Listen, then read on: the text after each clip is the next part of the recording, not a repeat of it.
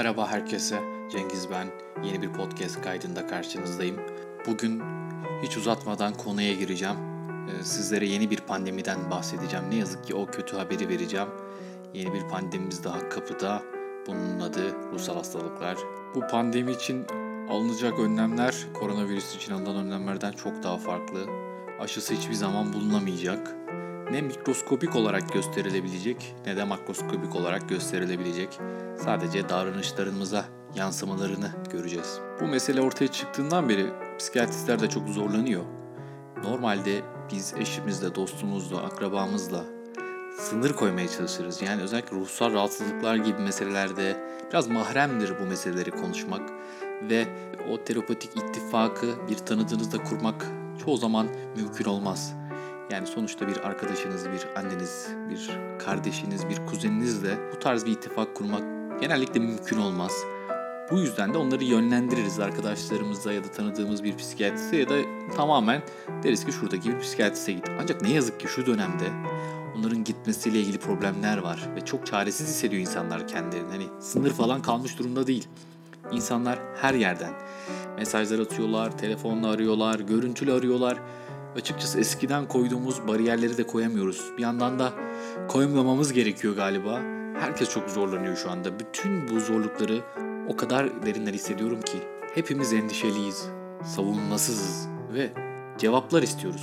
Elimizde bazı sorular var ve cevaplar istiyoruz ancak basit de cevapları yok. Yine bugün baktığımızda hepimizin yasın tüm aşamalarından geçtiğini görüyoruz. İnkar en başta. Yok Türkiye'de yok. Hayır öyle bir şey yok. İşte öfke, işte var ama saklıyorlar, gizliyorlar. Pazarlık. Ya var işte ama o kadar da değil. İşte biraz çıkalım dışarıya. Depresyon işte evlerimizdeyiz. Yapacak bir şey yok. Netflix'te bitti diziler. Artık e, kitap okumaktan, bir şeyler okumaktan sıkıldık, bunaldık. İnsan görmek istiyoruz. Dışarıyı görmek istiyoruz. Güneşi görmek istiyoruz. Ve belki de yakın zamanda bir kabul. Yine toplumumuzda sosyal mesafeyi benimsemede değişen derecelerde zorluklar kendini gösterdi. Çünkü her zaman sahip olduğumuz şeyleri bırakmak, rutinlerimizi, e, yaşamımızdaki o geleneksel yolları kaybetmek ya da sosyal bağlantılarımızı kaybetmek oldukça korkutucu. Bazılarımız baharın o gelişini, o yaşam ve aktivite patlaması olmadan o gelişini inkar ediyor. Böyle bahar olmaz diyor. Kutlamalarımızı, mezuniyetimizi, kıştan bahara geçişimizi, o her zamanki neşeli geçişimizi kaybettik ve onları geri alabileceğimiz bir süre yok. Öfkelendik, kızgınız ve üzgünüz. Toplantıların, sarılmaların, tokalaşmaların sevincini kaybetmek bunlar oldukça sarsıcı. Birlikte yemek yemek için mücadele ediyoruz. O yeni açılan polikliniğimizde insanları görmeyi özledim. Kapımın önünde bekleyen hastaları, işini hemen görmemi isteyen hastaları özledim. Ya da randevusu olmadan gelen hastaları. Çalışmayı özledim. Sevdiğim işi yapmayı özledim. Ne büyük lüks sevdiğin işi yapmak. Dostlarımı özledim. Intern dostlarımı özledim. Yemek yemeyi özledim arkadaşlarımla. Yemekten sonra bir yerde çay içmeyi, basket oynamayı, yürümeyi, sarılmayı özledim. Özledim gerçekten özledim. Şimdi o sessiz şehrin merkezinde tek başıma yaptığım o ara sıra yaptığım o günlük yürüyüşlerimde o şehrin kalabalık kalabalığını görmeyi özledim. Caddelerden geçerken arabayla geçici olarak kapalı ya da yalnızca teslimat yazan kafeler, restoranlar ve kahve dükkanlarının dolu olduğu halleri yer bulamadığım zamanlarını özledim. Şehir teslim olmuş gibi sanki bir işgal var ve biz topladık bılımızı, pırtımızı gidiyoruz bir yerlere ama nereye gittiğimizi de bilmiyoruz. Her gün o gece saatlerinde o atılan tweetle artan sayıda vakayı gördüğümde, daha uzun bekleyişleri tahmin ettiğimde küçük bir parçamın öldüğünü hissediyorum. Çalışacağı işlerin akıbetinden korkan, emin olmayan insanların acısı, bir sonraki maaşından alıp almayacağından emin olmayan insanlar, diğer arkadaşlarım, ailem, sağlık çalışanları ve bu maruz kaldığımız her geçen gün artan riskin altında olmak korkusu. Bu gerçekten insanın kafasından atabileceği bir düşünce değil. Hepimiz kederliyiz ve bu kederi yaşamak bizim hakkımız buna izin vermeliyiz bir yandan da. ne yapmalıyız? Birbirimizi desteklemeli. Birbirimizi ağlatmalı. Birbirimize ağlamalı. Ve duygusal olarak birbirimize yaslanmalıyız. Bu labirentten çıkmanın tek yolu keder, kayıp, üzüntü ve kırılganlığın o kıvrımlı duvarlarından geçiyor ne yazık ki. Hepimiz bu labirentin içinde birlikte olmalıyız, cesur olmalıyız ve istekli olmalıyız. Bu fiziksel salgının ortasındayken bu salgının gölgesinde büyük bir zihinsel sağlık salgını da var. Ve bu noktada hiçbirimiz buna karşı bağışık değiliz.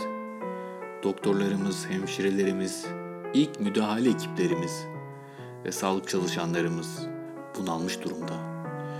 Ülkemiz, dünyamız, insan ırkı, sevdiğimiz her şeyin yavaş, durdurulamaz yıkımını izliyor.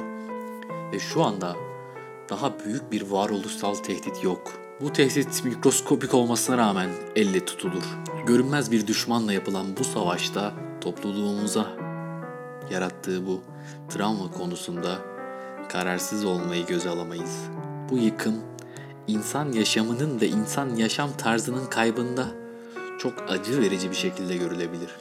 Belki bu sefer daha proaktif olmamız gerekecek.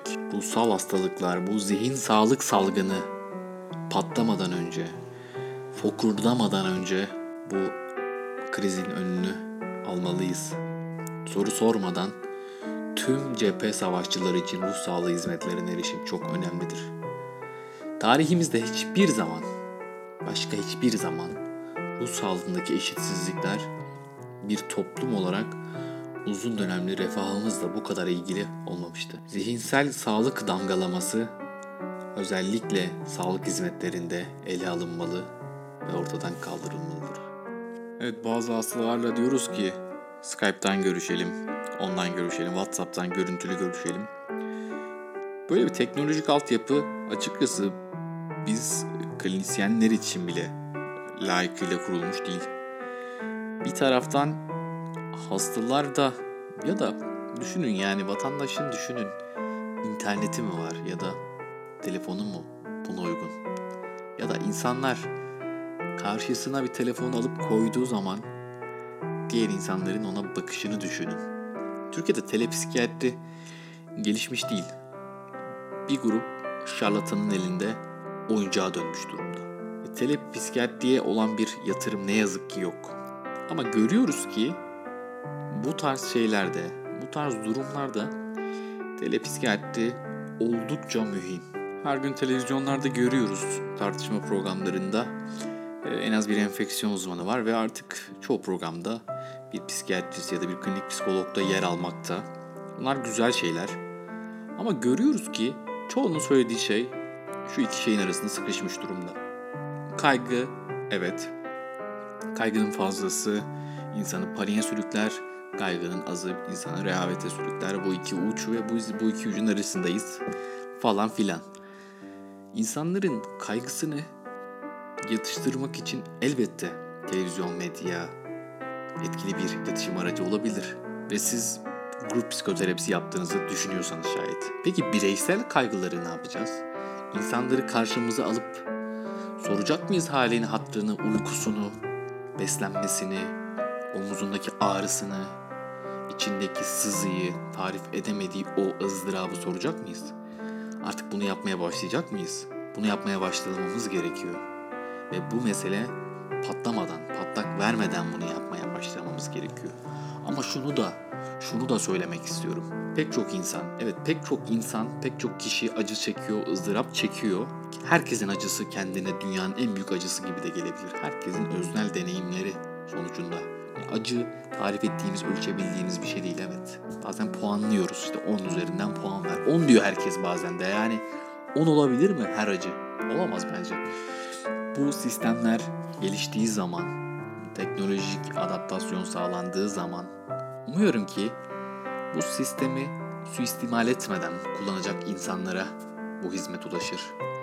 Ve bu hizmetten umarım insanlar fayda görür. Ve umarım bunun için gerekli altyapı sağlanır. Yani bugün bakanlık çıkıp işte şu kadar maske verdik, şu kadar test kiti yolladık. Tamam. Şu kadar hastanede online görüşme yapılabilir. online görüşme yapmak isteyen vatandaşlarımıza işte bilmem belediye şöyle bir e, bilgisayar tedarik edecektir. Ama bu da demek değil ki her isteyen işte o anda arasın görüşelim. Bu nasıl ki poliklinik randevusu veriliyor gibi veriliyorsa bu durum içinde elzem durumlar içinde insanları bir sıraya sokup bir sistematik bir şekilde yaparsak insanların bu hizmete ulaşmaları mümkün olur. Şu anda Rus sağlığı çalışanları en azından kendi ekibim adına söyleyebilirim. Her türlü hizmeti vermek adına e, hazır beklemekte. Bu yüzden umarım bir an önce bu denli bir sistem hayata geçer ve biz insanların acılarına bir nebze olsa dokunabiliriz. Buraya kadar dinleyen herkese çok teşekkür ederim. Sağlıcakla kalın.